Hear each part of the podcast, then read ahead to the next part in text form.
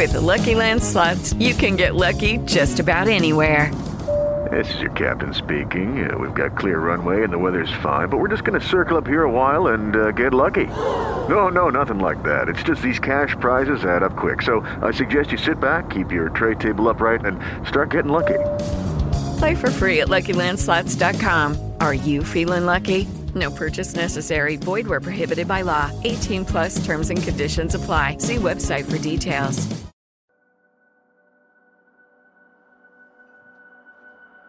Succeshistorier kommer ofte af personlige udfordringer, kampe og selvudvikling. Men hvordan er vejen egentlig derhen? Et gammelt ordsprog siger, at de smukkeste veje oftest er snoret. I denne podcast bliver du lukket ind i både en iværksætters og en spirituel vejleders univers, hvor de sammen taler med og udfordrer deres gæster, som alle har formået at overkomme den snorede vej og helt frem til deres egen smukke destination. Samtidig guider de dig som lytter på din unikke rejse. Du lytter til podcasten Hvordan blev du den du er? med Ray Abadi og Flemming Bille. Velkommen til.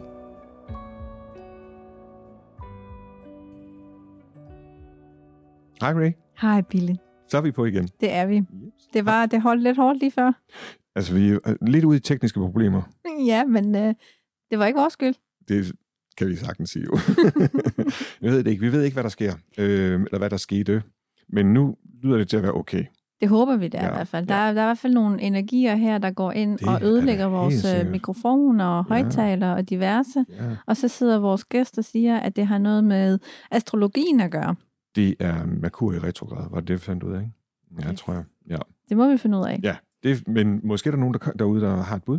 Måske, ja. Ja. Så noget med øh, astrologien og Ja. Merkur i Ja. retrograd. Du har spurgt, om der var afdøde til stede, der pillede lidt ved lyden. Og det må jeg bare svare nej til. Det er der Jeg var sådan, er der andre her i rummet ja, end os? Nej. Nej. Og, ja. Er du klar til at, en ny historie? Er mega klar til en ny historie. Altid klar til en ny historie. Ja, Vi skal byde velkommen til øh, ugens gæst. det skal vi. Og ugens gæst hedder Janette. Nu har jeg sagt det første. Velkommen til, Janette. Tusind tak. Vil du præsentere dig selv med sådan fulde navn? Med fulde navn, ja.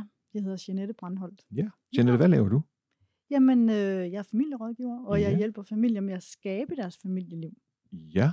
Wow. Ja. Og det, nu har vi, jeg har jo lovet, den historie, den skal vi have. Øh, men jeg har jo lovet lytterne, jeg har også lovet Ray og lovet mig selv, at øh, jeg vil prøve at bruge øh, mine sådan, klaverende evner, og så finde, dykke ned i et tidspunkt i dit liv, som vi skal starte fra. Jeanette, jeg, jeg, øh, jeg spurgte ind lige før øh, til din guider, hvornår måtte jeg sådan ligesom dykke ned i dit liv, eller hvorfra. Og der blev der sagt 35 år, altså da du er 35. Så øh, hvad sker der i dit liv, da du er 35? Jeg kan godt lide øjnene, de flakker sådan rundt for at finde ud af, hvor var hun henne, da hun var Og igen, 35. Jeg tænker, hvor var jeg henne, da jeg var 35 år? Ja. Interessant spørgsmål. Mm. Øhm, Jeg kan så sige, mens du tænker, at der er en Ja. årsag til, at øh, vi vender tilbage til det tidspunkt, for det har vi jo fundet ud af med alle Ja, vores gæst, ja, gæster, faktisk. at, at der skete det eller andet, eller der var et skifte i en, enten indre eller ydre, Ja. ja. eller ja, et eller andet. ja, men jeg tænker bare lige sådan, om det var der, hvor jeg fik mit tredje barn. Ja. Måske faktisk. Tredje og sidste? Eller er Tredje flere? og sidste barn. Ja, Så blev cirklen ligesom lukket der. det tænker jeg, ja. Og så blev Og- det Jeanette-tid måske. Nej, det gjorde det absolut ikke. altså, jeg tænkte, jeg havde virkelig travlt med tre øh, små børn, fordi ja. at øh, de sidste to, de kom lige oven i hinanden, så, Mm. så, så jeg havde virkelig travlt. Ja. Og øh, jeg har jo valgt at være gå hjemme. Øh, det besluttede vi os for dengang, som var virkelig mærkeligt for mange mennesker. Så altså, så du, du valgte at være, øh, hvad hedder det, husmor og mor Ja. og, ja, fuldstændig på fuld tid. Altså først ved jeres tredje, altså her ved 35 eller, eller før, altså med de to andre også. Ah, faktisk også lidt med de to andre. Mm. Men øh, da Lukas han kom til den sidste, der gik vi all in på Ja. det. og hvor, hvor mange år er det siden, hvor gammel er Lukas? Jamen, Lukas han er faktisk øh, 22 i dag. Mm. Ja. Så vi er tilbage sådan lige, øh, lige i starten af nullerne. Ja. Nullerne. Nullerne. Ja. Det, kan, det, må have været lidt, det må have været lidt underligt at sådan melde ud og sige, prøv, jeg tror lige, jeg skal være fuldtidsmor og gå hjem og passe mine børn. Det var det også. Det var der Øh. internettet kom. Det var da internettet kom, og, jeg, og det var der, hvor øh, alle kunne ikke forstå det, fordi det var der, vi skulle ud og realisere os selv, og vi Mm. kvinderne, de skulle ud og arbejde, Mhm. og vi skulle have en stemme og sådan nogle ting. Men Lukas han var et kært kommende barn, fordi at han, øh, han ruskede lidt op i det der med, hvad vil det sige at være en familie? Mhm. Øh, og specielt det der med, skal man gå på arbejde? Mhm. Og skal man have sine børn i institution og sådan nogle ting? Og det valgte vi jo så, at det skulle han ikke. Mhm. Så han kom faktisk først afsted, da han skulle i børnehave, og der kom han kun i deltidsbørnehave, Ja. fordi han egentlig var meget sensitiv. Ja. Så, så det der med at begynde at lytte til børnenes behov, Ja. men egentlig også selv ind i sine egne behov. Mm. Ja. Så jeg har virkelig, øh, i lang tid, der skulle jeg sådan forsvare, hvorfor går du hjem og sådan noget. Og så på et tidspunkt, så tænkte jeg, det gør jeg ikke mere, fordi det var et valg, som vi traf, Mm. Som var rigtig godt på daværende tidspunkt. Og så, så det betyder, at du gik ikke hjem med de to store, eller i hvert fald med den helt Ja, store. jeg, jamen, det gjorde jeg faktisk, fordi da han havde været i vuggestue, jeg tror, han var afsted øh, tre uger, Mm.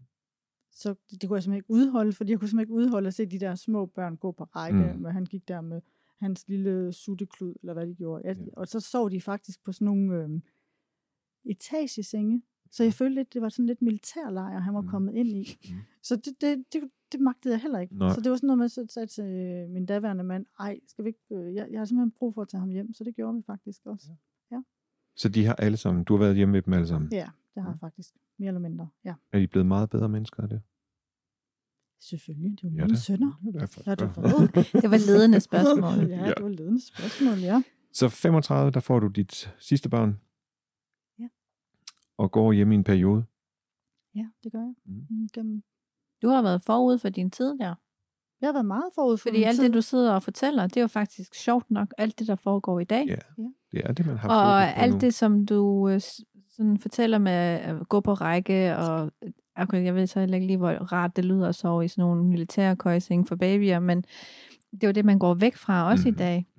Man føler bare ikke, at, jeg ved det ikke, jeg tænker, at de mødre, der har samme valg som dig dengang, de føler måske ikke lige så meget, at de skal forsvare det, som du har gjort.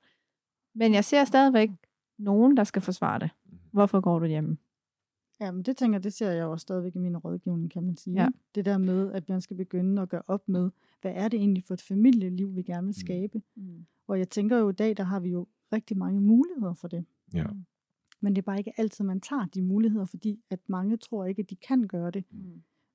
Fordi så er der mange ting, man også skal, skal sige fra. Altså, det er jo ikke sikkert, at man lige kan få det hele på én gang. Så når man vælger noget til, så vælger man også noget fra. Ja, men er tendensen, ikke undskyld afbrud, men tendensen blandt unge mennesker, det synes jeg, er, at man vælger sådan fra og siger, jamen jeg vil hellere bo mindre, øh, fordi så behøver jeg ikke at arbejde så meget. Øh, altså jeg synes, jeg møder mange her i min dagligdag, som er sådan lidt, jamen jeg skal ikke arbejde fuldtid, jeg vil være sammen med mine børn, eller med min kone, eller jeg vil gerne øh, bruge mere tid med mine venner, eller min sport, eller hvad det nu kan være. Så, øh, så det føles lidt som om, at der er sådan en tendens i at sige, jamen jeg vælger det der øh, forfærdelige hektiske liv fra, hvor jeg kan tjene en masse penge, øh, for at kan bo stort, eller køre den sidste nye bil, eller hvad det nu kan være, til at jeg gerne vil have sådan noget low-key life, eller off-grid, eller hvad man nu kalder det. Jeg tænker i hvert fald, at vores børns generation kommer til at gøre Ja, det. det tror jeg Meget bestemt. Endnu mere. Ja. Endnu mere, også, altså ja. i, en- i, hvert fald ikke i forhold til min generation, Mm. mm. men jeg tænker i hvert fald, at mine børn Mm. stiller store, altså sådan, eller i hvert fald andre krav, eller andre spørgsmål. Mm. Og de stiller også nogle gange spørgsmål til, hvad er det for en form for undervisning, vi får i skolen. Ja. Fordi de er lidt hurtigere. Ja. Og, det, øh, og jeg tænker jo, at øh, vores børn, i den, altså de generationer, i hvert fald mine børns generationer, og måske også din race, altså de begynder at stille meget mere spørgsmålstegn til den måde, Mm. de også lærer på. Det synes jeg da bare er fedt. Det er da mega fedt. Ja. Altså fordi, at... Øh, Det er jo også lidt opbrudstid måde, en måde at gøre tingene på en anderledes måde, for vi har jo kørt den her meget lineære, Mm. klassiske øh, tilgang til både skole, øh, virksomheder, institutioner, hvad ved jeg. Det er meget sådan top og bund på en eller anden måde. Ja. Ja. Selvom man har prøvet i mange år at flade det ud, Mm. så virker det bare ikke altid for alle i hvert fald. Det er nogen, Nej. det fungerer for, men det er ikke for alle, Mm. at den her lineære, øh, hvad skal man sige, flade struktur virker. Nej, altså er det jo nok ikke lige sådan været imødekommende på sådan det individet. Nej. Øh, det er sådan mere gruppe øh, ting, ikke, som vi er alle sammen ens, eller skal lære på samme måde, eller hvad det nu er. Og det tror jeg ikke rigtigt på, at vi skal. Nej. Nå, så vi skal lige tilbage til, så, så han, du, du kommer tilbage på arbejdsmarkedet, da han starter børnehave? Eller? Ja, det gør jeg faktisk øh, ja, mere, da han skal i skole. Ja. Faktisk. Så øh, Da han er en syv år senere? ja, Ja. der vælger jeg så at gå tilbage. Ja. Og øh, da han er de der 6-7 år, tror jeg, der blev jeg også skilt fra hans far. Mm. Det betyder altså lige pludselig, at jeg er tvunget. Altså tvunget, det er jo ikke. Jeg har ligesom Mm. selv skabt det på en eller anden måde. Så skal jeg jo tilbage på arbejdsmarkedet. Mm. Fordi nu skal jeg jo forsørge mig selv og tre børn. Og, og lige pludselig så stod jeg bare i sådan en forretning der fra 10 til 18 og Mm. tænkte, hvad var det for egentlig for liv, jeg havde fået skabt mig Ja. på en eller anden måde. Mm. Øh, I hvert fald ikke det liv, som jeg hidtil har levet og har Mm. troet på. Så jeg kunne godt være der om morgenen for børnene og Mm. følge dem afsted i skole. Jeg kunne absolut ikke være der om eftermiddagen for at hente dem. Og det tænker jeg, det, det tappede overhovedet ikke ind i mig. Så Nej. jeg blev simpelthen nødt til at gøre noget andet. ja. Så jeg valgte simpelthen at uddanne mig til socialrådgiver. Ja. Øh, I forhold til det. Hvad lavede du inden? Altså forretning?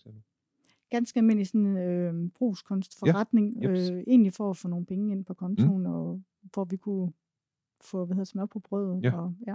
Du solgte pøbelbrød. Fuldstændig. Ja. Det har jeg også gjort. Fuldstændig.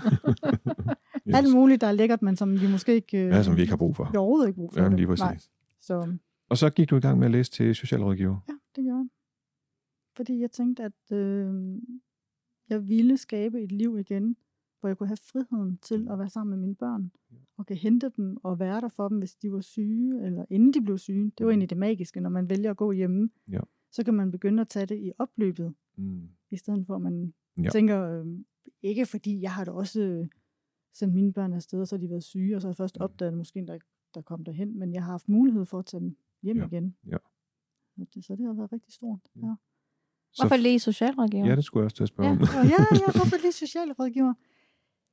Jamen, det var fordi, at øh, jeg tænkte, hvordan kunne jeg kombinere mine erfaringer Mm. øh, i forhold til... Altså, jeg er faktisk oprindeligt uddannet tjener, og altid været inden for servicebranchen. Ja. Og jeg elsker servicebranchen, og det gør jeg stadigvæk den dag i dag. Mm. Men jeg kan ikke holde til at arbejde øh, 20 timer i træk, for det gjorde man dengang, 15-20 timer, og man var bare på derude af. Og jeg tænkte, hvordan kan jeg kombinere det med min HF og det hele? Og så tænker jeg, jamen, jeg skal arbejde med mennesker, jeg skal gøre et eller andet, øh, der er varieret, for jeg kan også godt lide noget variation. Og så valgte jeg simpelthen at søge ind på Metropol. Mhm. Og så tog jeg en uddannelse som socialrådgiver. Sådan. Ja. Hvor lang tid tager det? Tre og et halvt år. Tre og et halvt år, ja. Ja. ja. Det gør det. Så på de der tre og et halvt år, der, øh, der var jeg egentlig fuldtidsmor og fuldtidsarbejde og fuldtidsstudie.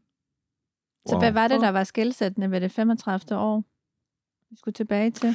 Jamen, det var er, det, det var der, det hvor... nye Jeanette, der var på vej op, ja, eller hvad? lige præcis. Ja. Der, det, eller det er i hvert fald sådan, jeg tolker det. Altså, der er der, Det mm, der er noget, nyt. Men ja. der, skulle, der skulle lige et uh, tredje barn til, og Ja. Ja. der skulle lige nogle flere år på banen, og der skulle Ja. måske lige lidt... Øh, måske skulle der bare arbejdes med lidt erfaring og få den dyrket rigtigt. Øh, sådan, altså den menneskelige del i det.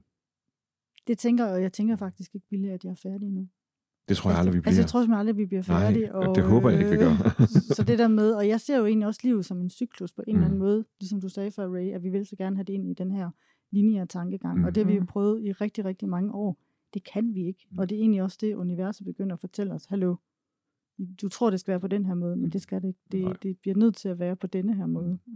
Og det er noget med, at vi skal lære at surrender i det. Altså, vi skal overgive os til, at vi ikke hele tiden kan kontrollere og styre alting.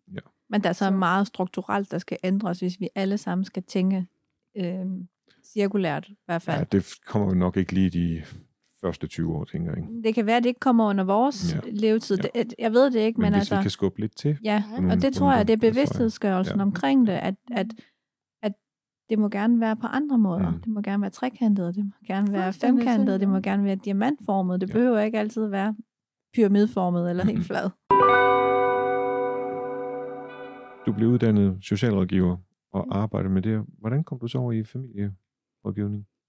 Ja, jeg skulle til at spørge hende, om, om, Jeanette, om du vidste, at socialrådgiveruddannelsen vil give dig noget, som du kunne bruge i forhold til det med at arbejde med familier.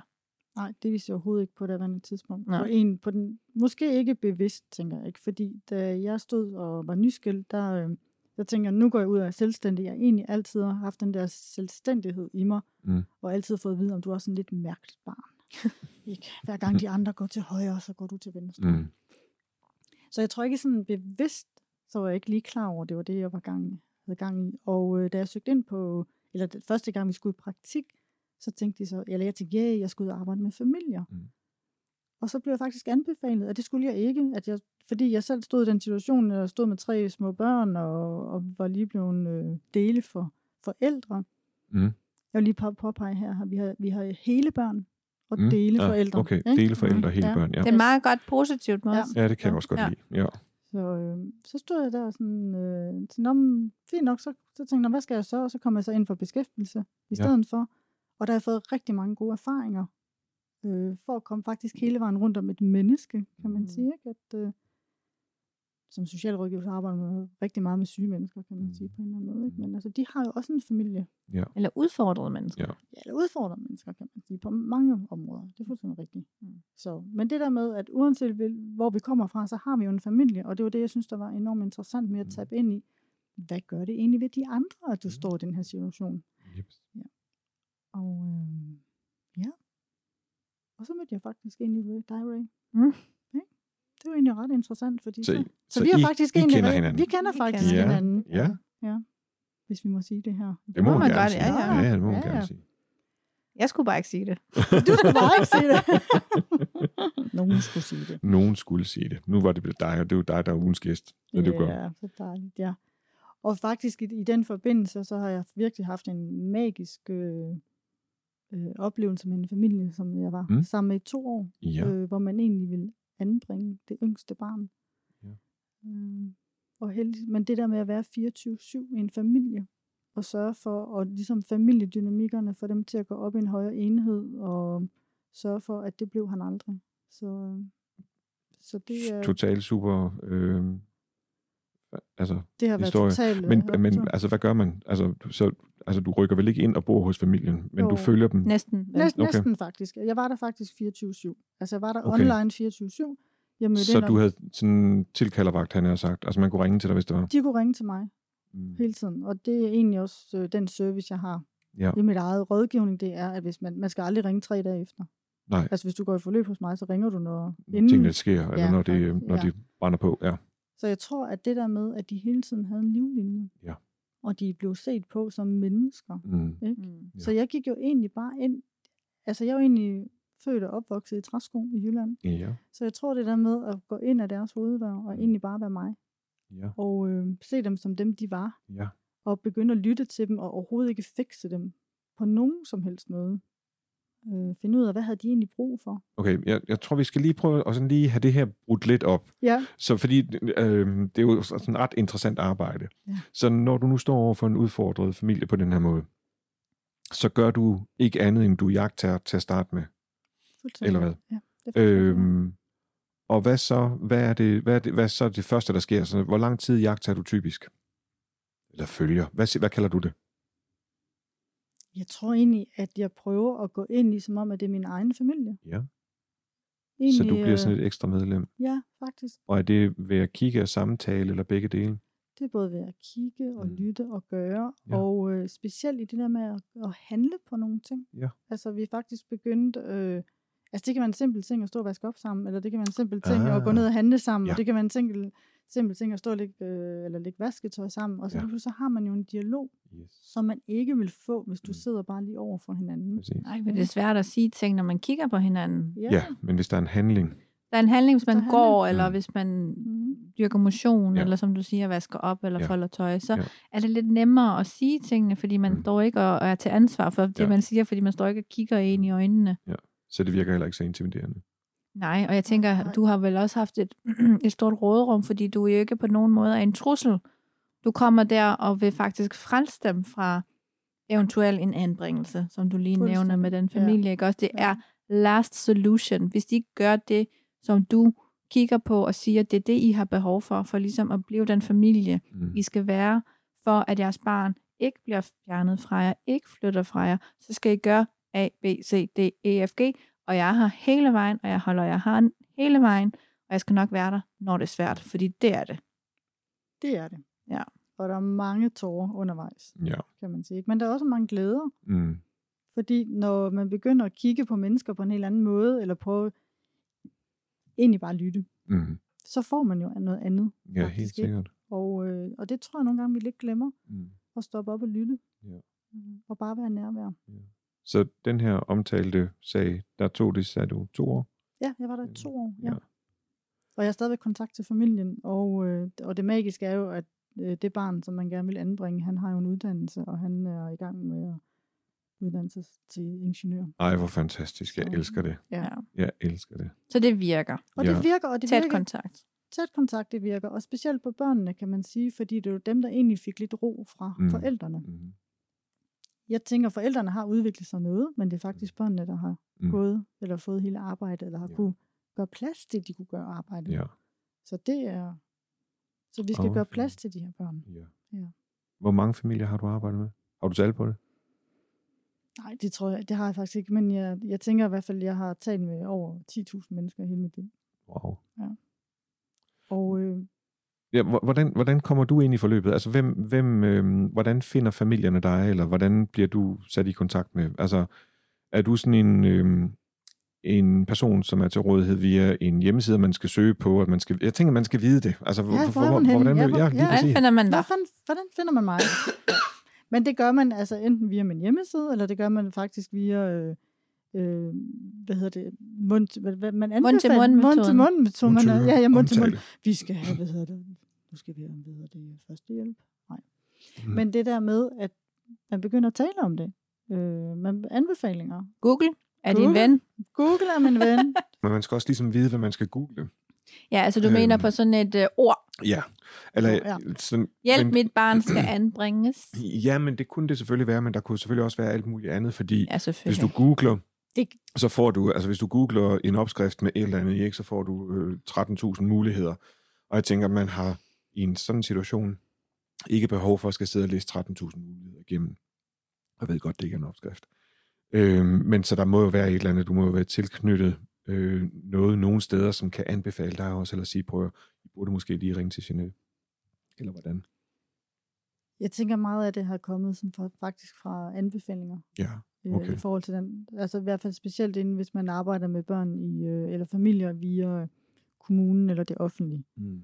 Så har jeg selvfølgelig min egen hjemmeside, hvor jeg henvender mig til, og så faktisk lidt til, eller jeg henvender mig til, til ressourcestærke forældre, fordi at de har også udfordringer med deres børn. Mm. Og jeg har også forældre, der lige pludselig kommer i kontakt med systemet, hvor de nærmest går helt ned, fordi det, hvad betyder det, og hvad skal vi nu, og bliver vores barn fjernet, og alt det der. Men, og så kan jeg gå ind og hjælpe dem med at sige, nej, men altså, man er jo god forældre, uanset hvad. Det handler ikke om det, det handler bare lige om, at vi får nogle redskaber, Mm. nogle værktøjer til at komme videre. Ja, fordi den historie, du fortæller med det barn, der måske skulle anbringes, Ja. det er jo worst case scenario. Man skal jo fange dem langt før, og det er derfor, du lige siger det her med ressourcestærke forældre, fordi forældre er jo generelt ressourcestærke, indtil de havner i nogle udfordringer, de ikke selv kan redde ud. Og det er der, man skal have alt det her forebyggende arbejde, så man ikke når derud, Mm. hvor at man ikke kan bunde. Altså min tese er jo faktisk lidt det der med, at generelt så er vi mennesker i underskud for overskud. Og, øh, og det er der rigtig mange ressourcestærke familier, der også er. Ja. Selvom de har høje uddannelser, selvom de har et godt job, selvom de øh, egentlig har alt det, de skal have. Mm. Men Materielt. En, materielt Mm. mm. faktisk. Mm. Ikke? Alligevel så er de faktisk i underskud for overskud. Og det skal vi selv skabe. Mm. Vi skal selv skabe det overskud. Vi skal selv begynde at blive bevidste om som forældre, hvad det er for et familieliv, vi gerne vil have. Ja. Og det er faktisk noget af det, jeg virkelig slår på. Øhm, for alt kan lykkes, og alt kan lade sig gøre. Det tror Men vi, skal, rigtigt. men vi skal ture og Mm. gøre noget andet. Ja. Og man skal vel også turde kigge lidt indad. Altså kigge Ja. lidt på sig selv og sige, okay, det var måske ikke den overbevisning, som jeg har med, som virker. Ja. Øhm, eller måske bare det, som man er vokset op i, og tænker, jamen jeg kopierer det, og haft det, det er vel også mange der gør. Det tror jeg er meget sundt, uanset om man Mm. har, om man er udfordret eller ej.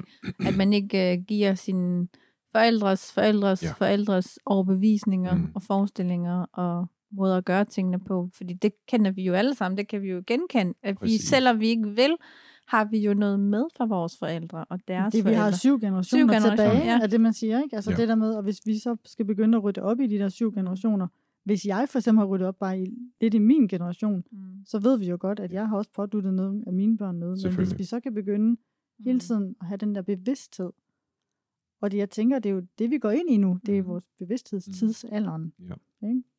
Være bevidst om, hvad det er, vi samtaler om. Og Jeg kunne godt tænke mig at komme lidt tilbage til Jeanette, fordi ja. nu snakker hun meget om sit arbejde, og det er Ja. ikke fordi, det ikke er rigtig spændende, men det er jo et helt program i sig selv, det der ja, det er et kæmpe program. familiearbejde. Mm-hmm. Men jeg kunne godt tænke mig at vide lidt mere om Jeanette. Ja. Kan du prøve at dykke ned i et andet alder, vi skal gå tilbage til? Ja, det kan jeg godt. Fordi at 35 var jo sådan lidt øhm, transformation, for skifte fra øh, gængs, hvis jeg må kalde det det ord, klassisk familiestil, til at du skulle finde dig selv og finde din egen ben og stå på med børn og alt det, du nu ikke har gjort, så skulle du til at gøre det om igen. Mm. Altså, vi kan, vi kan gå... Vi kan gå både, der er både en, en... Vi kan gå før. Ja. Altså tidligere i liv. Vi kan også gå lidt senere. Så- Tidligere liv. Skal vi starte med den? altså, tidligere i livet. Ja, ja, ikke tidligere liv. det kan vi Og vi kan godt. også tage det tidligere liv. Det. Der var jo ypperste præstene i Ja, Portugal. ja. eller sådan eller andet. øh, 20-21 års alder. altså, hvad jeg lige sådan lige kan få øje på, jeg, jeg tænker, jeg tog et kvantespring. Ja. Jeg rejste, Igen. Mm. Jeg rejste til USA.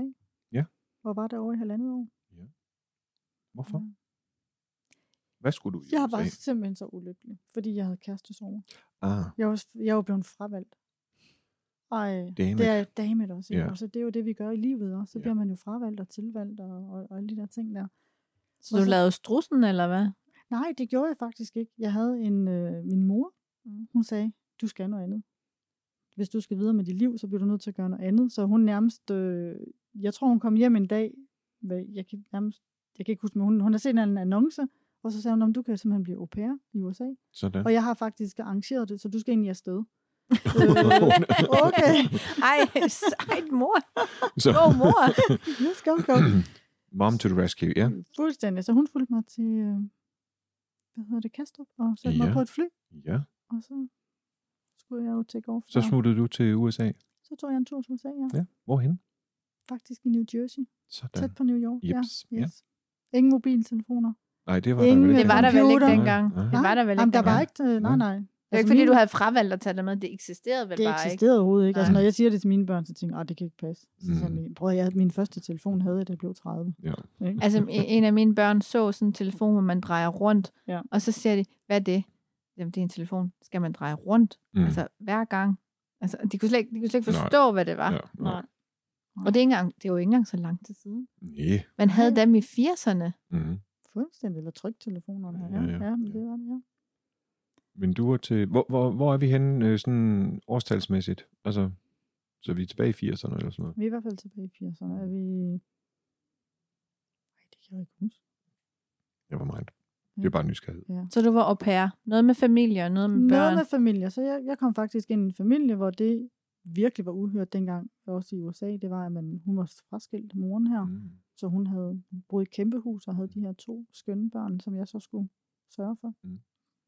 Så man, øh, ja, ja, jeg kørte dem til og fra skole og lavede madpakker og Mm. vaskede tøj og alt Mm. det, man nu egentlig skal gøre i en familie. Så hun kunne gå på arbejde Ja. og tjene pengene. Mm. Hvad lærte du i det år, halvandet, halvandet år? Og jeg tænkte, jeg lærte virkelig meget selvstændighed. Mm. Jeg har egentlig altid været selvstændig, for jeg flyttede faktisk hjemmefra, da jeg var 16. Mm. Og jeg ligesom tidligere sagt, jeg har altid... Hvis, Det er hvis godt jeg, nok tidligt. Mm. Det var meget tidligt, ja. Det, Det, det, det, kan man slet ikke forestille sig, Nej, at jeg faktisk nej. skal flytte hjemmefra som 16-årig. Men Nej. det var, gjorde det, var det normalt dengang? jeg. Nej. det var der absolut Ej, jeg tror ikke, det Nej, du normalt, men det, er, men det er sådan, nu du er fra Jylland. Det er simpelthen fra Jylland. Fra Ja, og det Ja, er jeg jo også, og der er det, der er det måske sådan lige, ikke Det er okay. normalt, men det er sådan okay. Det, vil man, det kan man godt forsvare at gøre. Altså i dag, der bor de jo hjemme til de er over 20. Ja, ja. Ja, Tæt på 30, Ja, så er vi ja. Italian-style. Mm. fuldstændig, ja. Min midterste, han er jo først flyttet Jamen, hjemme fra det- sidste år, ikke? Fordi han havde jo regnet ud, at hvis nu jeg bor hjemme, Så, Så får jeg mad og så vasket er mad og vasketøj. Ej, men ikke vasketøj. Man fik i hvert fald mad, og der var også tag over Det hovedet. synes jeg, og, er- det synes og jeg det er helt okay. det synes jeg også. Jeg synes, det var så hårdt den dag, hvor han flyttede ja. også. Men ja, så jeg tænker sådan meget selvstændighed. Mm. Mm. Fordi at der var jo ikke nogen at spørge til råds. Nej. Andet, selvfølgelig så var der sådan nogle danske grupper, jeg fandt nogle danske veninder og, Mm. og alle de der ting der. Men, og der var ikke noget med, at man bare lige kunne komme hjem igen. Mm. Fordi jeg Ej, det var lang vej. Og det, Det var lang vej, og det var dyrt, og Ja. ja. du, du havde ikke bare... Øh, jeg tror egentlig, jeg havde direkte fly, men altså, det var bare langt væk. Var du hjemme i løbet af de halvandet? Nej. Nej, det var ikke. Fandt du en ny kæreste derovre så? Nej, det gør jeg ikke. Det kan godt være, at man lige... Du er så nysgerrig. Det kunne være, der var nogle stykker, men der var ikke nogen sådan fast kæreste. Nej. Men nej, det gjorde jeg ikke. mm. Jeg tænker, det var meget sundt, og det der med at stå på egne ben, og egentlig bare finde ud af, hvem er jeg. Så det var det, du tog med tilbage fra USA. Det var lidt den der selvstændighed, stående på egne ben, men i en anden form. en anden form, et andet land, et Mm. helt andet sprog. Ja. Jeg har jo egentlig aldrig, altså da jeg gik i skole, der fik jeg, jeg kan huske, jeg tror det var i 6. klasse, der kom jeg op til skolepsykologen. Mm. Fordi de synes lidt, at jeg ikke fulgte med i timerne. Mm. Hvad lavede du? Men jeg sad og dagdrømte, fordi jeg sad og drømte om alt muligt, jeg skulle skabe i mit liv i stedet for. Mm. Det Ej, det. hvad dagdrømte du om så? Jamen, jeg dagdrømte rigtig meget om at blive skøjteprinsesse. Nå. Jeg Ja. ville elske at være skøjteprinsesse Mhm. med de der flotte kjoler. Jeg elskede at gå til dans og, øh, og de der ting der. Men min mor, hun var alene med os, og hun... Og så kan jo komme det der paradigme ind, at det har vi ikke råd til, og det er også for dyrt, og hvad Mhm. tænker alle de andre, og Ja. alt det der. Ja. Men så Det er kan også farligt. Du kan slå dig. Ja, og slå fuldstændig. hovedet. Ja, netop. Og strømperne, hvis de går i stykker. Og, jamen, der Mhm. var alt muligt. Så. Men, øh, men det sjove var jo egentlig, at øh, skolepsykologen sagde så, hun har en meget veludviklet psykologisk sans. Så du skal stoppe med at tale med hende. Wow. Ja, så, så jeg tror egentlig først sådan lidt fra 6. klasse, at jeg egentlig rigtig fik lov til at være barn. Ja. Mm. Ja, Er du den ældste? ja både og. Okay. Altså sådan stop med at tale til dig til din mor. At hun Ja. skulle ikke indvige Hun må- dig i voksen ting. Ja, ikke inde ah. i Ah. voksenting og alt, hvad der foregik. Og Fordi det havde du ligesom taget, taget til dig, eller har du husket, eller har du sagt noget videre, eller du blev bare sådan fanget i emner, der ikke sådan lige du kunne... Jeg tror altid, jeg har været god til at lytte, Mm. og øh, det var jeg også til min mor. Mm. Og min mor, hun, øh, hun gik desværre bort her i maj måned, men at jeg har altid haft et rigtig godt forhold til min mor. Mm. Men hun har også haft et rigtig hårdt liv. Mm. Så det der med også at gå ind og bryde et mønster der, Mm. det har været, det har været magisk, både for min søster og for jeg, ikke? Mm. Øh, men min mor, altså, og det er jo meget sjovt, det er, hvordan generationer kan gentage ting. Ja. Fordi min mormor blev skilt, min mor blev skilt. Men da man blev skilt på daværende tidspunkt i min mor, hun var Mm. 18 år, tror jeg hun, 20 måske, da hun blev skilt. Ja, det er godt nok. Ja, der havde hun to børn. Mm. Hun havde min storebror, og så havde hun mig. Og fordi jeg var meget lille, så kunne min far ikke få mig. Ah. Mm. Så, så, så min storebror har altid boet hos hans far. Mm. Og jeg siger hans far, for jeg har egentlig aldrig været tilknyttet min far. Mm. Men også kan man sige, uh, det er også nogle forfærdelige historier, men det er jo altid, hvad man tillægger det. det er hvad, hvad er det, vi tænker om den her historie? Jeg har altid syntes, det var meget dramatisk. Altså tænk sig, hvis jeg skulle aflevere mine børn, det er jeg sådan Ja. ja. til, huha. Ja. Så jeg tænker, at min mor egentlig har haft et ret hårdt liv. det lyder ikke Ja. nemt i hvert fald. Nej. Og nu giver det mening, når du siger til dels den ældste, fordi det har du selvfølgelig været i den familie, Ja, altså med din mor. Og så kommer der en yngre søster til. så kommer der en yngre Ja. søster til. Ja. Ja. Jamen, så, så er det jo nogle store ting, hvis du har fået det at vide i en alder af seks år. Hvis du har fået nogle af dine mors Mm. tanker, Mm. og ja, og det er jo det, vi gør. Altså, vi er jo, det ved vi jo i dag. At øh, fra 0 til 7 år, så bliver vi jo installeret med alle de her Mm. overbevisninger og tanker og følelser og handlinger. Ikke kun for ens forældre, men også for alle mulige andre. Ja. så man skal faktisk virkelig passe på, hvad man siger omkring sine små. Oh yes. Ja, yeah. vi skal være meget opmærksom på vores retorik. Kan meget, du, kan meget du huske tilbage, hvad det var, der gjorde noget ved dig? Var der noget, du blev altså, bekymret over, eller bange for, eller noget, der fyldte i dig af de ting, din mor har sagt til dig, uden hun sådan har tænkt, det tænker jeg ikke, hun har gjort for at gøre dig bange, men hun har fortalt dig noget, som du har taget til dig, og så er det vokset til en eller anden ubehagelighed. Kan du huske noget? Jeg kan ikke huske noget som på den måde, men jeg ved jo i mit voksne liv, kan man sige, der har jo været mange ting, jeg skulle rydde op i, Hmm. i forhold til det. Og specielt det der med, at man godt må forvente det gode i livet. Mm. Og det er jo det, vi kan komme til at at slæbe rundt med resten af livet, hvis vi ikke begynder at være bevidste om, hvad det er, vi selv har oplevet. Og, øh, og det er jo det, jeg egentlig gerne, altså det er jo virkelig det, jeg gerne vil tale også om i forhold til forældre i dag, det er jo det der med, vi skal virkelig være meget opmærksom på vores retorik. Hvad er det, vi sender ind i de her Mm. små poder? Ja. Eller hvad er det, skolelærerne sender ind i, sådan bare generelt, Mm. hvad vi sender ud, ikke? Så, Så når du står over for forældre, som, hvor du skal sådan forsøge at ændre på deres øh, retorik, øh, er det nemt? Altså tager de det til sig? Det gør de. Fordi jeg prøver altid på at gøre det simpelt, let Mm. mm. og lejende. Ja. Fordi det skal ikke være svært, og vi må ikke dømme nogen. Mm. Øh, og mange forældre, vi kan komme til at slå os selv oven i hovedet om, at ej, nu gjorde vi det godt nok, Mm. og nu er vi ikke gode nok her, og sådan nogle ting. Men Ja. det, er ikke, det er egentlig ikke det, det handler om. Det handler bare om, at vi, gerne, vi skal træffe en beslutning om, at vi egentlig gerne vil være verdensklasse forældre. Ja. Fordi vi er de bedste forældre. Mm. Mm. Vores børn har jo valgt os. Ja. Så for allerede fra start, så har- er vi jo bare de bedste forældre. Mm. Så nu skal vi bare til at blive verdensklasses forældre. Ja. Og, øh, men det skal vi gøre på en lidt sjovt og lejende måde. Mm.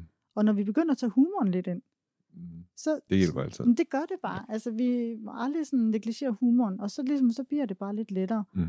Og det bliver især lettere for mænd, har jeg oplevet. Ja. Min Ja, med humor. Ja, med humoren. Det fordi, tror jeg, du har fuldstændig ret uha, i. de synes, ja. ja.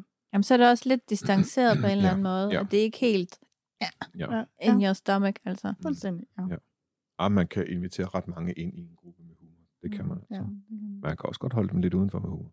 Men det er en helt anden historie. det er en helt anden Ja. Men Jeanette, hvad for nogle emner havde du med dig, som du skulle klippe fra dine forældre? Pengeoverbevisninger, Mm. forventningsoverbevisninger, hvad er det, man gerne må forvente ud af livet? Altså, må, Mhm. man, må man godt have noget, for eksempel? Mm. Øhm, Altså det der med, at det skal være hårdt og det er ja, let. uh, mm, ja. meget. Vi skulle arbejde rigtig hårdt jo, og Mm. Altså, man skal arbejde hårdt for at få succes, eller få Ja, penge, eller ja. få opnå I det hele mål. taget. og så videre. Overlevelse. Ja, overlevelse, overlevelse, ja. Mm. total overlevelse. Og øh, det sjove er jo lidt det der med, nu har vi jo lige gået lidt og ryddet op efter min mor og sådan nogle ting. Og hun har jo altid sagt, at jeg har ingenting. Mm. Jeg har aldrig fået noget. Og så nu har vi gået og ryddet op, så hun har jo gemt ting. Ja. Hun, hun ikke har købt, brugt. hun ikke har brugt. Mm. Mm. Hun har købt så mange smykker, eller et eller andet, som hun bare har lagt ind i skabet, ned i skuffer og skabe, og sådan et eller andet. Mm. Og så sagde min far også, hvor har hun det fra? Mm. Altså, ikke? Men det der med, at man har levet i mangel, det er jo det, vi kommer til at desværre at Ja. gentage og gentage. Ja. Ikke? Så øhm, Ja, det er meget spændende. Ja, det er Ja. det virkelig. Ja. Ja, i stedet for at købe sig selv noget lækkert. Mm. ja, Et smykke. et Og smykke. bruge det. Nå, men bare gå med det. Ja, jeg bruger det. Ja. Altså ligesom ja, at vise det. Ja. Men, altså, jeg går ud fra, at der er garanteret også et eller andet med ikke at vil vise det. Altså, det er fint nok Altså, at eje det, men ikke, ja, Ja. I Jylland. måske, eller bare ikke rigtig sådan helt kun sådan... Fordi så vil, hvad vil naboen tænke? Ja, men jeg tror, der kan være to ting i det, som i, hvis nu, at man øh, gentagende gange fortæller en historie om, at man ingenting Ikke har. har, Mm-hmm.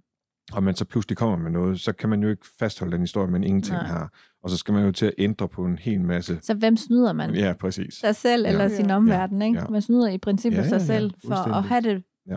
mere rart på en måde. Mm. Men fuldstændig, og så skal vi også tænke på, at den her bevidsthedsgørelse, den er jo faktisk ret ny stadigvæk. Mm. Ikke? Ja. Vi skal jo nærmest kun tilbage til 60'erne, før Mm. vi begynder lidt Mm.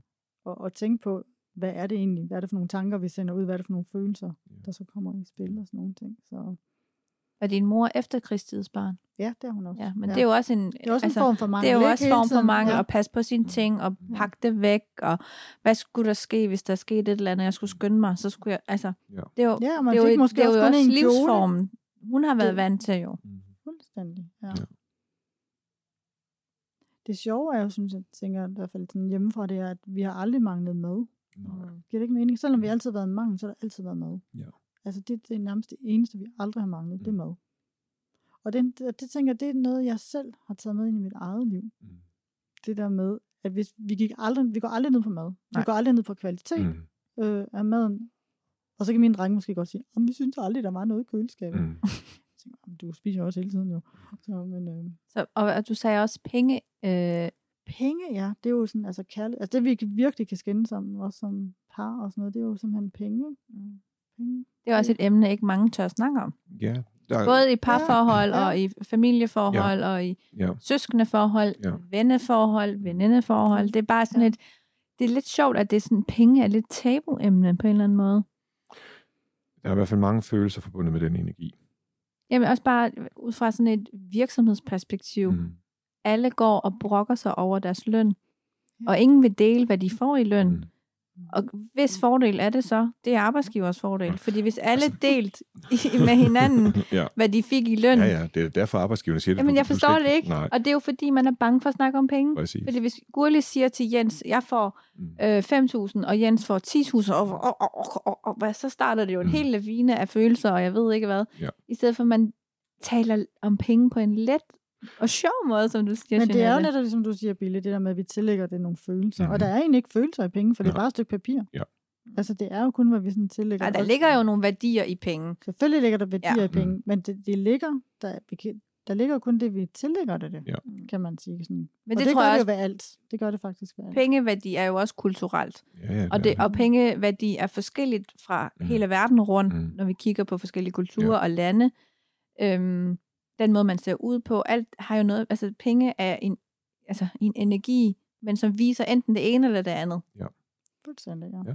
Overflod eller mangel? Mm. Jeg kan huske min bedstefar, Let han, eller han, hårdt? min bedstefar, han strøg hans 1000 kroner Så stod han der og strøg dem, og så stakkede han dem ned i.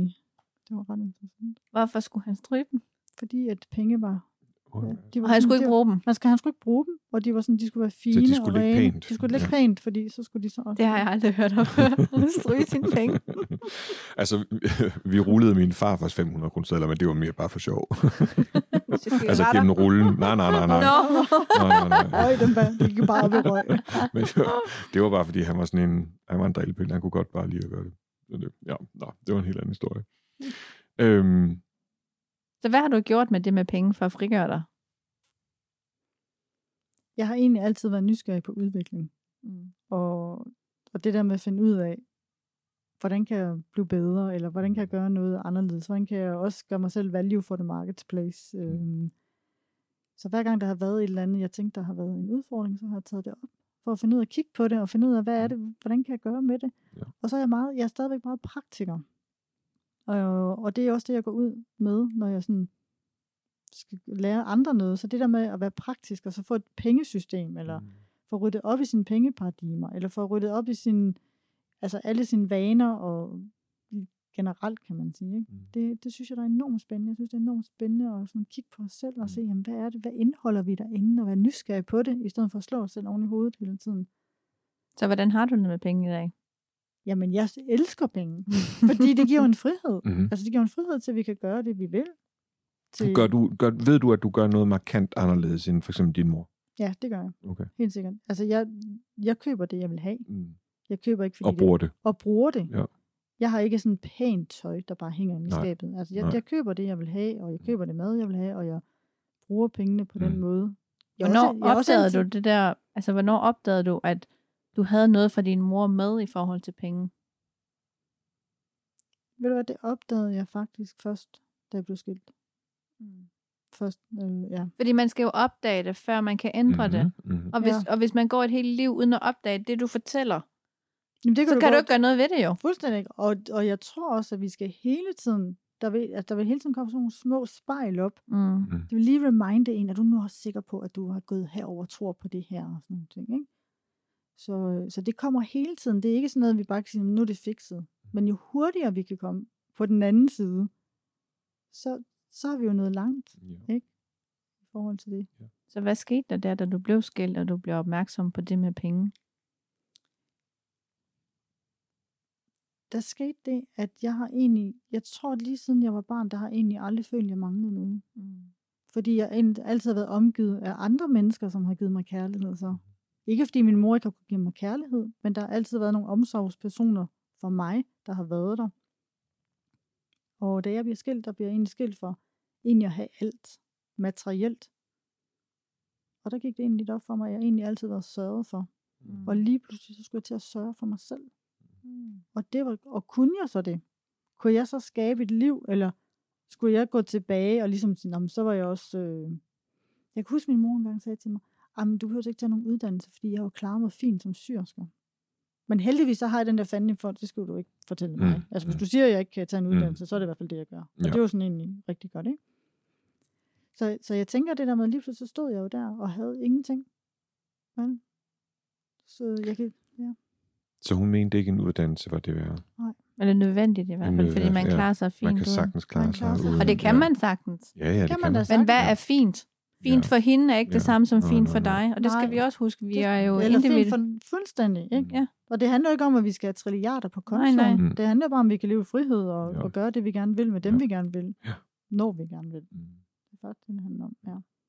Så det var derfor, vi skulle tilbage til år 35. Fordi Først, det, og så... Øh, jamen, 20, jamen, det hænger ja, lidt sammen det gør jo. det jo. Det er Ja, jamen, en- alt hænger altså, sammen. Ja, ja. Der er jo ikke noget, der ikke hænger sammen. Den anden, jeg, jeg faldt ned i, eller kom ned i, det var 2-43 år. Men to 43 år, der kan man sige, at jeg blev skilt omkring, da jeg blev 40, og så Okay. tog jeg ind i en uddannelse. Ja, og jeg så tænker, det det, var det, det, så var det var i- egentlig det, ja. der var. Så, så Ja. blev jeg jo egentlig færdig, og Yep. man kunne sige, derfra der be- begyndte jeg at skabe mit liv. Ja. Fordi det var ligesom at få gulvtæppet reddet væk. Hvad kunne jeg så? Mm. Altså jeg kunne have valgt og øh, bare lige gøre som min mor siger, "Nå, men det er da også fint nok, så står jeg i den her butik her resten af livet. Ja. Men jeg ville jo noget mere. Og, øh, og det, det kræver jo også noget. Mm. Man går jo ikke sovende til det, så... Øh, men jeg besluttede mig for det og skabe det. Og, øh, og det tænker jeg, det kommer også mine børn til gode, og det kommer andre til gode. Mm. Fordi jeg ved, det kan lade sig gøre. Ja, for du siger vel ikke til dine børn, eller det vil jeg ikke at spørge, siger du til dine drenge, I behøver ikke en uddannelse, for jeg har klaret mig fint med halv liv, med noget, og noget Ja. andet med to uddannelser. Du har faktisk to uddannelser bag dig, plus alt det løse. Plus alt det løse. Alt det, man hele tiden kan få ned i bagagen, ja. ja. Mm. Ej, det kunne jeg aldrig finde på at sige. Er det en af de paradigmer eller forestillinger, som man skal gå lidt væk fra? At man skal tage en uddannelse? At man, at, man, at man skal sige det der, men du behøver ikke at gøre sådan der, fordi jeg har gjort sådan her, og det fungerede fint for mig. Skal man tage det væk fra en selv, når man giver råd? Giver det mening, det jeg siger? Mm. Mm. Ja, Ja, altså, jeg- ja, altså jeg, jeg ved ikke, om man behøver at sige, at du ikke behøver at gøre sådan her, men man kunne også bare sige, prøv at du skal gøre, hvad der gør dig glad. Ja. I stedet Ja. for, jamen det er netop det, i stedet Mm. for at sige, jeg har gjort sådan, så Ja. du behøver ikke, Ja. så kunne man vel vente den om at sige, Mhm. at det Ja. du har behov. ja, altså man behøver ikke rådgive ud fra sit eget. Nej. Nej. Aldrig. Fordi det, det råd, du fik jo fra din mor, det var jo, du behøvede ikke en uddannelse, fordi hun var sygeske, så ja, hun what to talk about. Ja. Ja, ja. Ej, det kunne jeg aldrig finde på at sige til mine børn. Jeg, jeg tænker mere, det handler om for dem, at de skal finde det, de er rigtig glade for. De skal følge deres hjerte, og så kan man sige, at vi har så mange muligheder. Ja, men hvad var det, man elskede som barn? Mm. Øh, og det var en, jeg tænker jo ikke lige, at jeg bliver skøjteprinsesse i dag. Nå, you never øh, know. Men you never know. Men måske. Men, øh, men det der med, at de skal ture og gøre noget andet. Mm. De skal ture følge deres hjerte lidt mere. Og klart, jeg, jeg har da også installeret alt muligt i dem. Ja, Og sådan er det jo ja, bare. sådan er det jo. Sådan er det. Hvis de vil afinstallere det, så har de jo altså, ansvar for kan gøre det selv. Ja, og de kan få klippekort af mor, hvis de Ja. vil til nogle psykologer eller Mm. noget andet. Ikke? Og, men altså, man kan jo bare hele tiden så nogle frø, og jeg tror egentlig først, at vi ser frøet folde sig ud, når mm. de er Mhm. omkring de der 25 år, og man... Altså, jeg har virkelig nogle tre skønne drenge, og de Mm. klarer sig virkelig godt. Mhm. Øhm, og de har også været rigtig meget igennem Mhm. på deres livsrejse.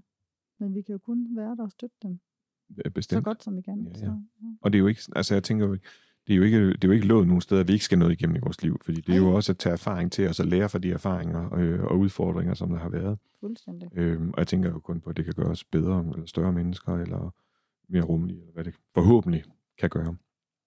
Så det, bruger de dig? Bruger du dem? Altså fortæller du dem, hvordan de skal gøres? Nej, det gør jeg absolut ikke, for jeg har meget tre selvstændige drenge, så det vil aldrig komme til at ske. Så, øh, Så det de siger nej tak til ja, klippekortet. ja, ja, ja, det gør de, og de synes også nogle gange, at jeg er totalt crazy. Altså, så det gør Ja, de. ja, Ja, ja. det skal de jo synes. Ja, ja. Altså, ja, det Det synes jeg er jo- meget sjovt, for jeg har sådan en, faktisk en stor fetis for øh, mumikopper og mumiuniverset. og, øh, og jeg, jeg, Den har jeg også undret mig over. ja, ja.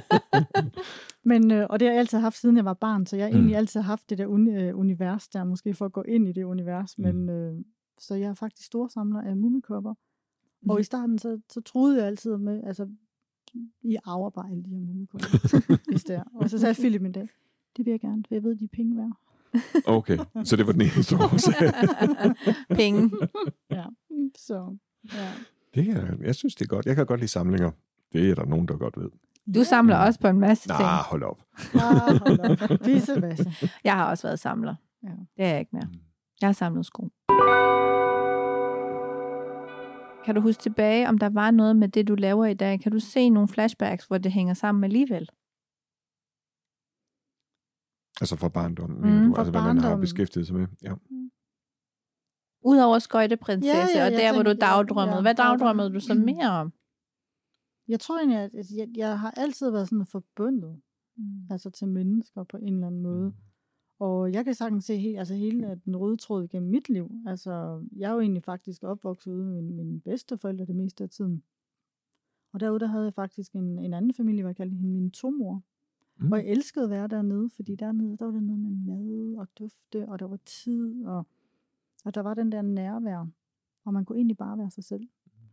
Så, og det tænker det er sådan den røde tråd igennem hele mit liv. Mm.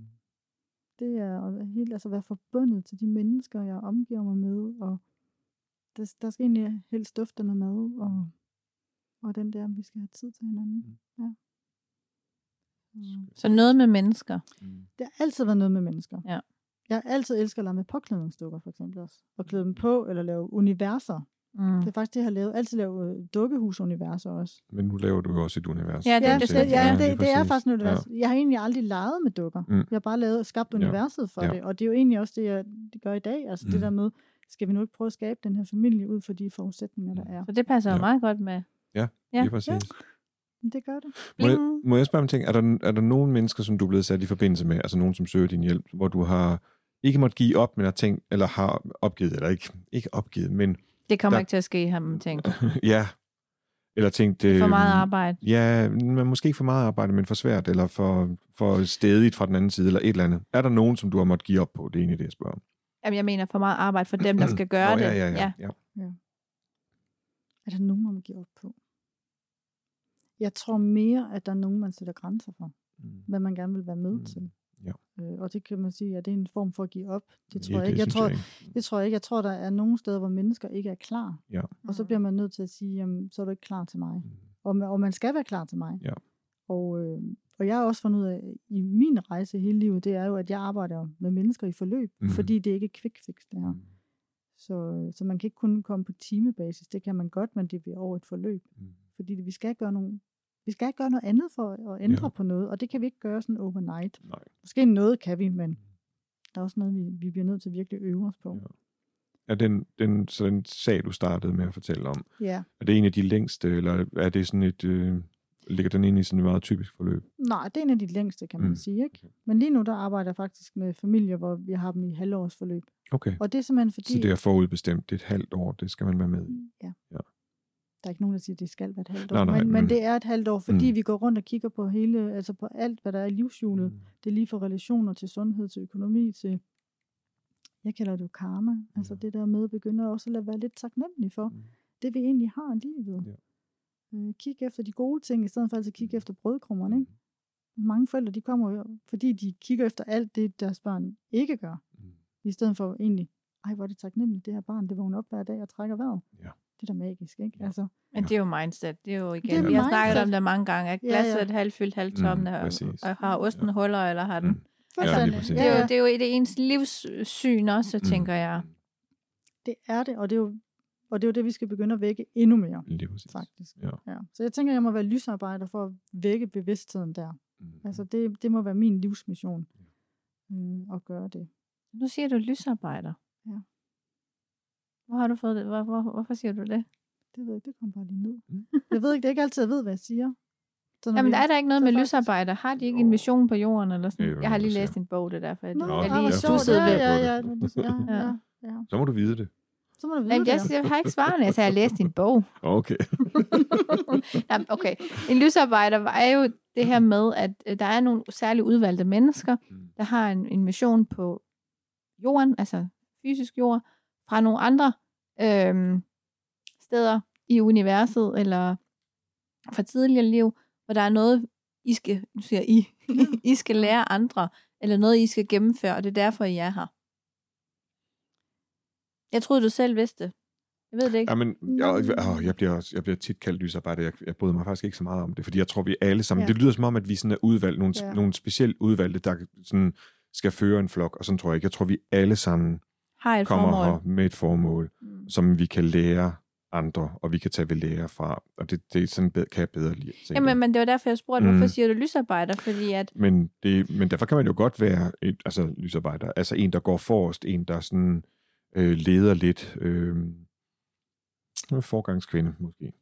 Jeg tænker, hvor jeg- mange, jeg- hvor mange, hvor mange lavede dit øh, stykke arbejde, før du kom til, altså på samme måde? Eller, altså, Ja, man kan sige, at dem, der lavede det stykke arbejde før, de har jo egentlig fået lidt hug for det, kan Mm. man sige. Mm. For de kvinder, der egentlig valgte at gå hjemme, fordi der har jo været generationer, hvor man har gået hjemme. Ja. Hvor, øh, og jeg tænker ikke, at det er en dårlig ting. nej, det tror jeg bestemt. ikke. Men så kan vi komme ud i en helt anden debat, som vi måske så ikke... Altså, Mm. mm. Men det, det, det tænker jeg ikke...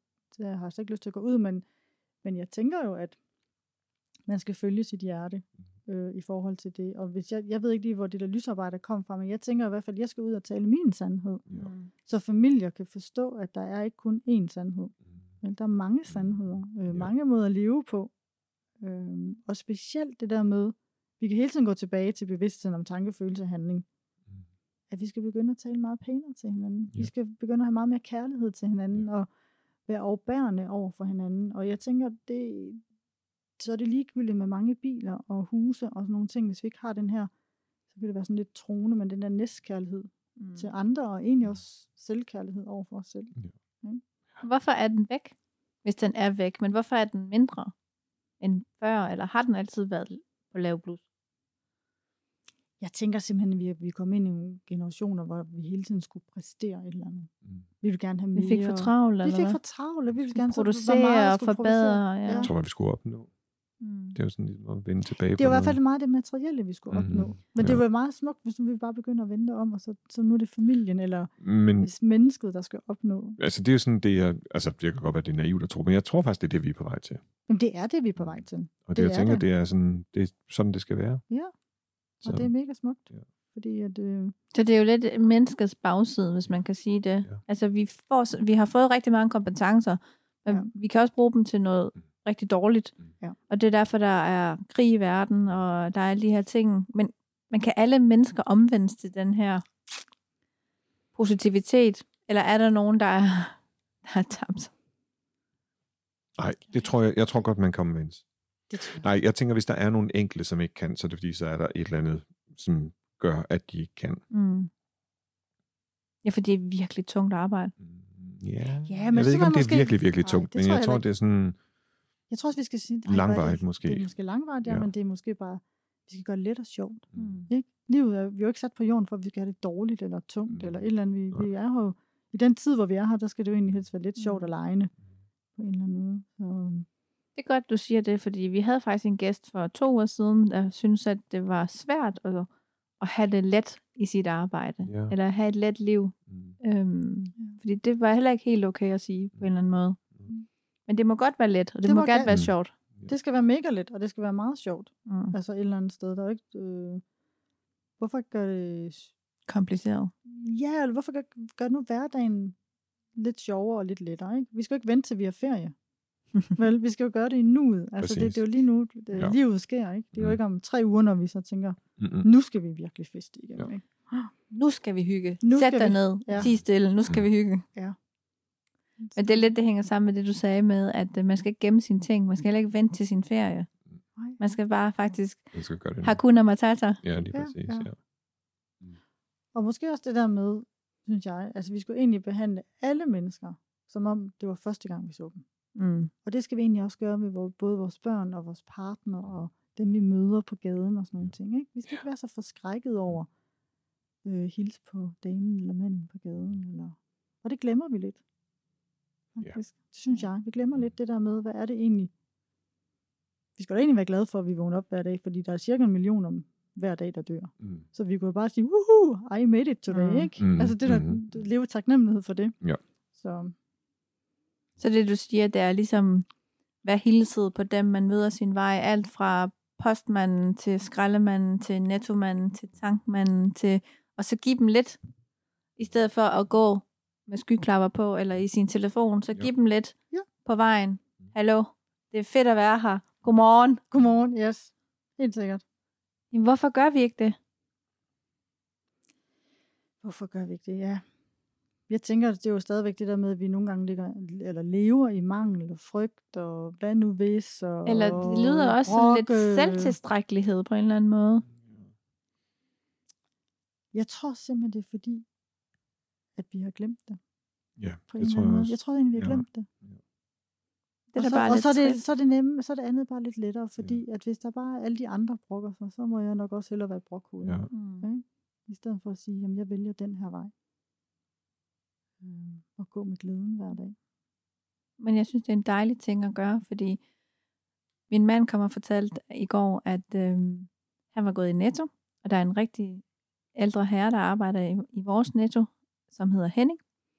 Og de, han, han er så glad altid. Han er så glad og imødekommende, og han hilser på alle og fortæller og sådan. Og så siger han, jeg kom ind i Netto, og så siger, hej, så siger Henning, hej Peter. Så har jeg sagt, hej Henning. Mhm. Men, men det er jo lige det, du siger. Mm. Det er fedt, at man får et forhold til dem, der sådan Ja. er omkring en, uden at være Ja. ens primære kontakter. Men det er så sjovt, fordi når jeg går med hund i Gilleleje om morgenen, Mm, mm. så dem jeg møder, når jeg på stranden og går tilbage, så siger jeg godmorgen. Men det vil jeg jo aldrig gøre i København. Hvorfor ikke? jeg ved det ikke. Men det er lidt ligesom, når jeg er i Sønderjylland. Øh, min mand er fra Gråsten. Mm. Mm. Der siger alle, alle Mm. møgen til hinanden, Ja, når man går ja. forbi. Uden, altså, Ja. det, det gør jeg jo heller ikke rigtigt. Det er Mm. nærmest nogle gange, jeg kan gå forbi min nabo, uden at de kigger på Ja. en. Prøv at se det i København. Yes. Ja, men jeg tror Moin. faktisk, det er sådan en kultur i København, ikke? Ja. ja. Nej, men det, jeg tror bare, det er den der sådan, energi er sådan lidt fortravlet, og vi kan ikke, øh, vi kan ikke I couldn't bother about it-agtigt Ja, et ja. eller andet, ikke? Men, Mm. Mm. men prøv, det er jo sådan et eksperiment, det gør jeg tit, det har jeg gjort i mange år, det er bare at gå ned ad gaden og så bare smile. Og prøv at se, hvor meget, hvor meget opmærksomhed du får ved det. Jeg, giver, jeg, jeg er faktisk rigtig god til at give kvinder komplimenter. Mm. Altså, at de ser godt ud, eller Mm. mm. ej, en pæn kjole, du har på, eller sådan. Fordi Mm. mm. det har jeg lært af kvinder ikke, eller det har jeg lært, at kvinder er ikke så gode til at give hinanden komplimenter, fordi det, er sådan, det skal være en konkurrence, men det er det jo ikke. Prøv bare at give noget godt. Mm. Så gør Bliver det. det godt modtaget? Øh, overrasket. Okay. Ja. Ja. Jeg tror, jeg har også set et program, hvor der er en eller anden øhm, øhm, dame, der kører en bil, som stopper op tilfældigt og giver kvinder komplimenter, hvor de sådan Mm. mm. helt tilbage, sådan, altså de slet ikke har regnet med det. Det er meget fedt. Mere af det. Men jeg tænker også, det, det er jo også noget, vi skal sådan være forgangs mænd, kvinder for i forhold til vores børn. Altså det der, fordi hvad er det for en attitude, vi, vi går ud med i verden, og hvad er det, vi viser? Og så kan det da godt være, at vi nogle gange synes, at vores børn er træls eller sådan et eller andet. Men når, altså jeg kan huske, at jeg var mega stolt en dag, hvor vi gik ud fra en forretning, hvor, hvor den midterste af mine var med. Og så går vi ud, og ja, han er de der 20 år gammel, og så siger han så, tusind tak for hjælpen. Nå. Så tænker jeg bare, Mm. så har man jo gjort Ja. noget. Ja. Altså så har man jo plantet frø, og vi skal jo huske, at vi skal jo hele tiden plante små frø. Ja. Øh, og de frø, vi så står i vores familie, de bliver først faktisk indløst, når de er, eller indløst, når de er omkring 20 år gamle. Er det der, man kan se det, eller ja, hvad? 20-30, ikke? Altså de der, Mm. ja. Man siger jo, det udvikler omkring 25 års alderen, ikke? Altså hjernen og sådan noget. Så jeg tænker jo, så vi skal have tålmodighed. Men jo mere vi selv giver ud, jo mere får vi også selv tilbage. Så, Så Jeanette, hvem skal komme til dig? Hvis man er klar, jeg kan høre, at man skal være klar og modtagelig, når man kommer til dig. Så hvem kommer til dig? jeg tænker, hvis man bare er lidt modtagelig og lidt klar. Det handler ikke om, at man skal være fuldstændig klar. Nej, okay. klar. Jeg tænker, det kan jo være familier, som gerne vil forebygge. Mm. Familier, der gerne vil skabe ud fra det liv, de har nu. Det kan også være familier, der simpelthen øh, er nærmest øh, gået lidt i opløsning og tænker, vi ved ikke, hvad vi skal gøre, eller hvor, hvor kan vi gå hen nu. Mm. Så jeg har ikke sådan en opskrift på, hvor det er, men jeg vil jo elske, at folk vil begynde at skabe deres liv. Mm. Forstå, at vi er virkelig ansvarlige for det her liv, her vi har fået. Og vi ikke bare lader dagen tage os, men vi faktisk tager dagen. Mm. Ikke? Med alt det. Det Tag inde. styring. Vi tager styring over vores Mm. liv, lige så vel som vi kan tage styring over vores økonomi og vores karriere, og øh, nu skal jeg løbe en maraton og sådan nogle ting. Nu er der altså tid til at steppe op, Mm. og simpelthen begynde at skabe sit familieliv. Mm. Hvad er det, vi vil med det, når vi nu egentlig har valgt at få det? Fordi vi har jo virkelig privilegeret i dag. Ikke? Vi kunne vælge, om vi vil have den her familie eller ej. Så Ja. Kan man starte på alle tidspunkter? Altså jeg tænker, hvad nu hvis man er i en familie med voksne børn, og man lige pludselig oplever, at det ikke er dysfunktionelt, men der er noget, der ikke fungerer. Vil det også hjælpe? Ja. Er det, er det sværere, hvis vi, det er alle sammen er voksne mennesker, eller... Du, jeg har, jeg har unge mennesker helt ned til 20 år. Ah, okay. Ja. Og det synes jeg, der er magisk. Fordi Ja. det der med, at de allerede begynder at skabe deres liv der. Yes. Ja. Og, og jeg har haft øh, par helt op i Mm. 80'erne. Godt. Fordi, ja, Ja. Så, og det er også magisk, fordi Ja. hun ville gerne få fred med hendes børn, inden hun skulle herfra. Ja. Nå. Ja, så det var Ja. egentlig også magisk. Ja. Ikke? Så det der med, at vi skal også lave os lidt fred, Yes. altså, og, og så bliver alt jo cirkulært. Ja. Det ord kan jeg godt lide. Ja. Lad os afslutte det ved, at vi skal tænke lidt mere cirkulært. Ja. Lidt mere rundt. Mm-hmm. Lidt mere kærlighedsgivende. Og lidt mere skabende med styringen. Tak, Jeanette. Tusind tak, fordi jeg måtte komme. Tak fordi du ville. Du lyttede til podcasten Hvordan blev du den du er? med Ray og Bille. Vi lyttes ved.